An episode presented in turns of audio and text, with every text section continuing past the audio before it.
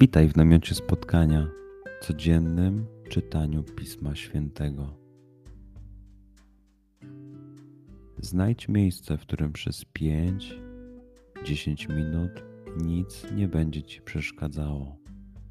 Usiądź wygodnie, połóż się lub uklęknij. Duchu Święty, otwórz mój umysł i otwórz moje serce abym te natchnione przez Ciebie słowa czytając poznawał i rozumiejąc przyjmował. Daj mi też siłę, abym posłuszny Bożemu natchnieniu mógł z radością kierować się nimi w życiu.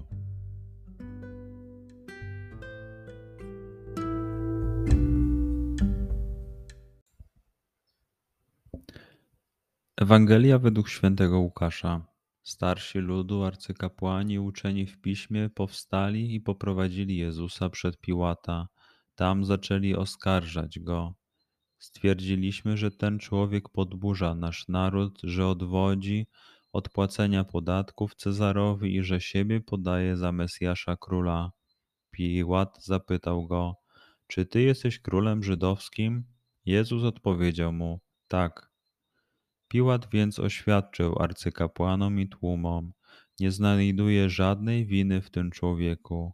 Lecz oni nastawali i mówili: Podburza lud, szerząc swą naukę po całej Judei od Galilei, gdzie rozpoczął aż dotąd. Gdy Piłat to usłyszał, zapytał, czy człowiek ten jest Galilejczykiem, a gdy się upewnił, że jest spod władzy Heroda, odesłał go do Heroda, który w tych dniach również przebywał w Jerozolimie. Na widok Jezusa Herod bardzo się ucieszył, od dawna bowiem chciał go ujrzeć, ponieważ słyszał o nim i spodziewał się, że zobaczy jakiś znak zadziałany przez niego. Zasypał go też wieloma pytaniami, lecz Jezus nic mu nie odpowiedział.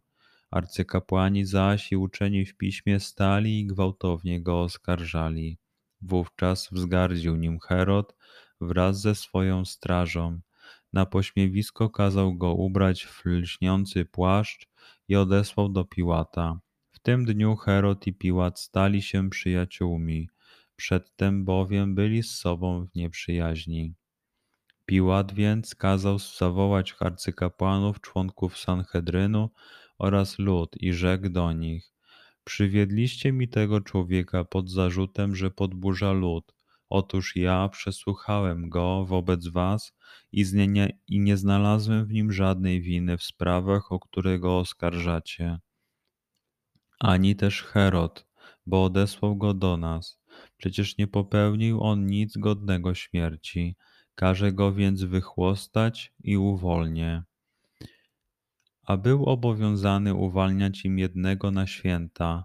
Zawołali więc wszyscy razem: Strać tego, a uwolnij nam Barabasza. Był on wtrącony do więzienia za jakieś rozruchy powstałe w mieście i za zabójstwo. Piłat, chcąc uwolnić Jezusa, ponownie przemówił do nich, lecz oni wołali: Ukrzyżuj, ukrzyżuj go. Zapytał ich po raz trzeci: Cóż on złego uczynił? Nie znalazłem w nim nic zasługującego go na śmierć. Każę go więc wychłostać i uwolnię. Lecz oni nalegali z wielkim wrzaskiem, domagając się, aby go ukrzyżowano, i wzmagały się ich krzyki. Piłat więc zawyrokował, żeby ich żądanie zostało spełnione. Uwolnił im tego, którego się domagali, a który za bunt i zabójstwo był wtrącony do więzienia. Jezus zaś zdał na nich wolę. Gdy go wyprowadzili, zatrzymali niejakiego Szymona z Cyreny, który wracał z pola. Włożył, włożyli na niego krzyż, aby go niósł za Jezusem, a szło za nim mnóstwo ludu, także kobiet, które zawodziły i płakały nad nim. Lecz Jezus zwrócił się do nich i rzekł: Córki jerozolimskie, nie płaczcie nade mną, płaczcie raczej nad sobą i nad waszymi dziećmi. Oto bowiem przyjdą dni, kiedy mówić będą: Szczęśliwe niepłodne łona, które nie rodziły i piersi, które nie karmiły. Wtedy zaczną wołać do gór: Padnijcie na nas i do pagórków, przykryjcie nas, bo jeśli z zielonym drzewem to czynią, cóż się stanie z suchym? Prowadzono też innych dwóch złoczyńców, aby ich z nim stracić. Gdy przyszli na miejsce zwane czaszką, ukrzyżowali tam jego i złoczyńców, jednego po prawej, drugiego po lewej jego stronie. Jezus zaś mówił: Ojcze, przebacz im, bo nie wiedzą, co czynią. A oni rozdzielili między siebie jego szaty, rzucając losy. Lud zaś stał i patrzył, a członkowie Sanhedrynu szydzili. Innych wybawił, niechże teraz siebie wybawi, jeśli jest Mesjaszem, Bożym wybrańcem. Szydzili z niego i żołnierze, podchodzili do niego i podawali mu ocet, mówiąc: Jeśli ty jesteś królem żydowskim, wybaw sam siebie. Był także nad nim napis w języku greckim, łacińskim i hebrajskim: To jest król żydowski. Jeden ze złoczyńców, który ta, których tam powieszono, urągał mu: Czyż ty nie jesteś Mesjaszem? Wybaw więc siebie i nas. Lecz drugi, karcąc go, rzekł: Ty nawet Boga się nie boisz, chociaż te same kary ponosisz? My przecież sprawiedliwie odbieramy bowiem słuszną karę za nasze uczynki, ale on nic złego nie uczynił.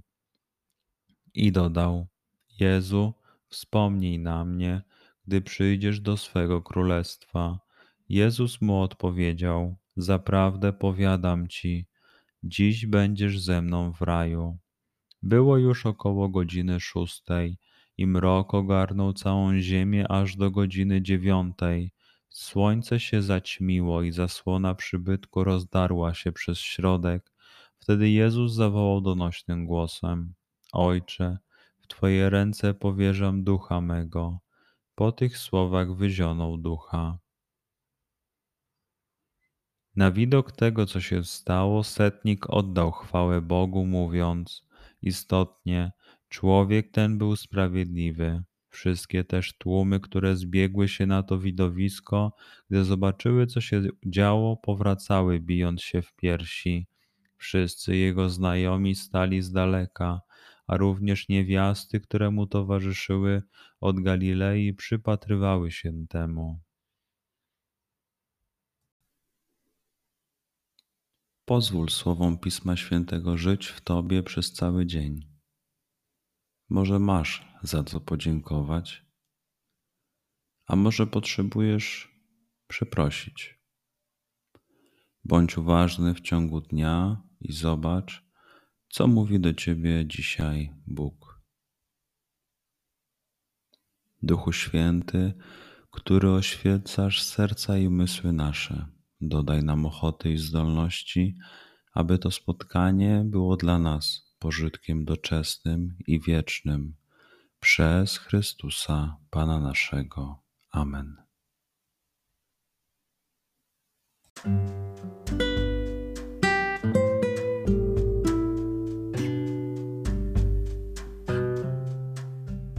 Do zobaczenia jutro. Bądź z nami każdego dnia.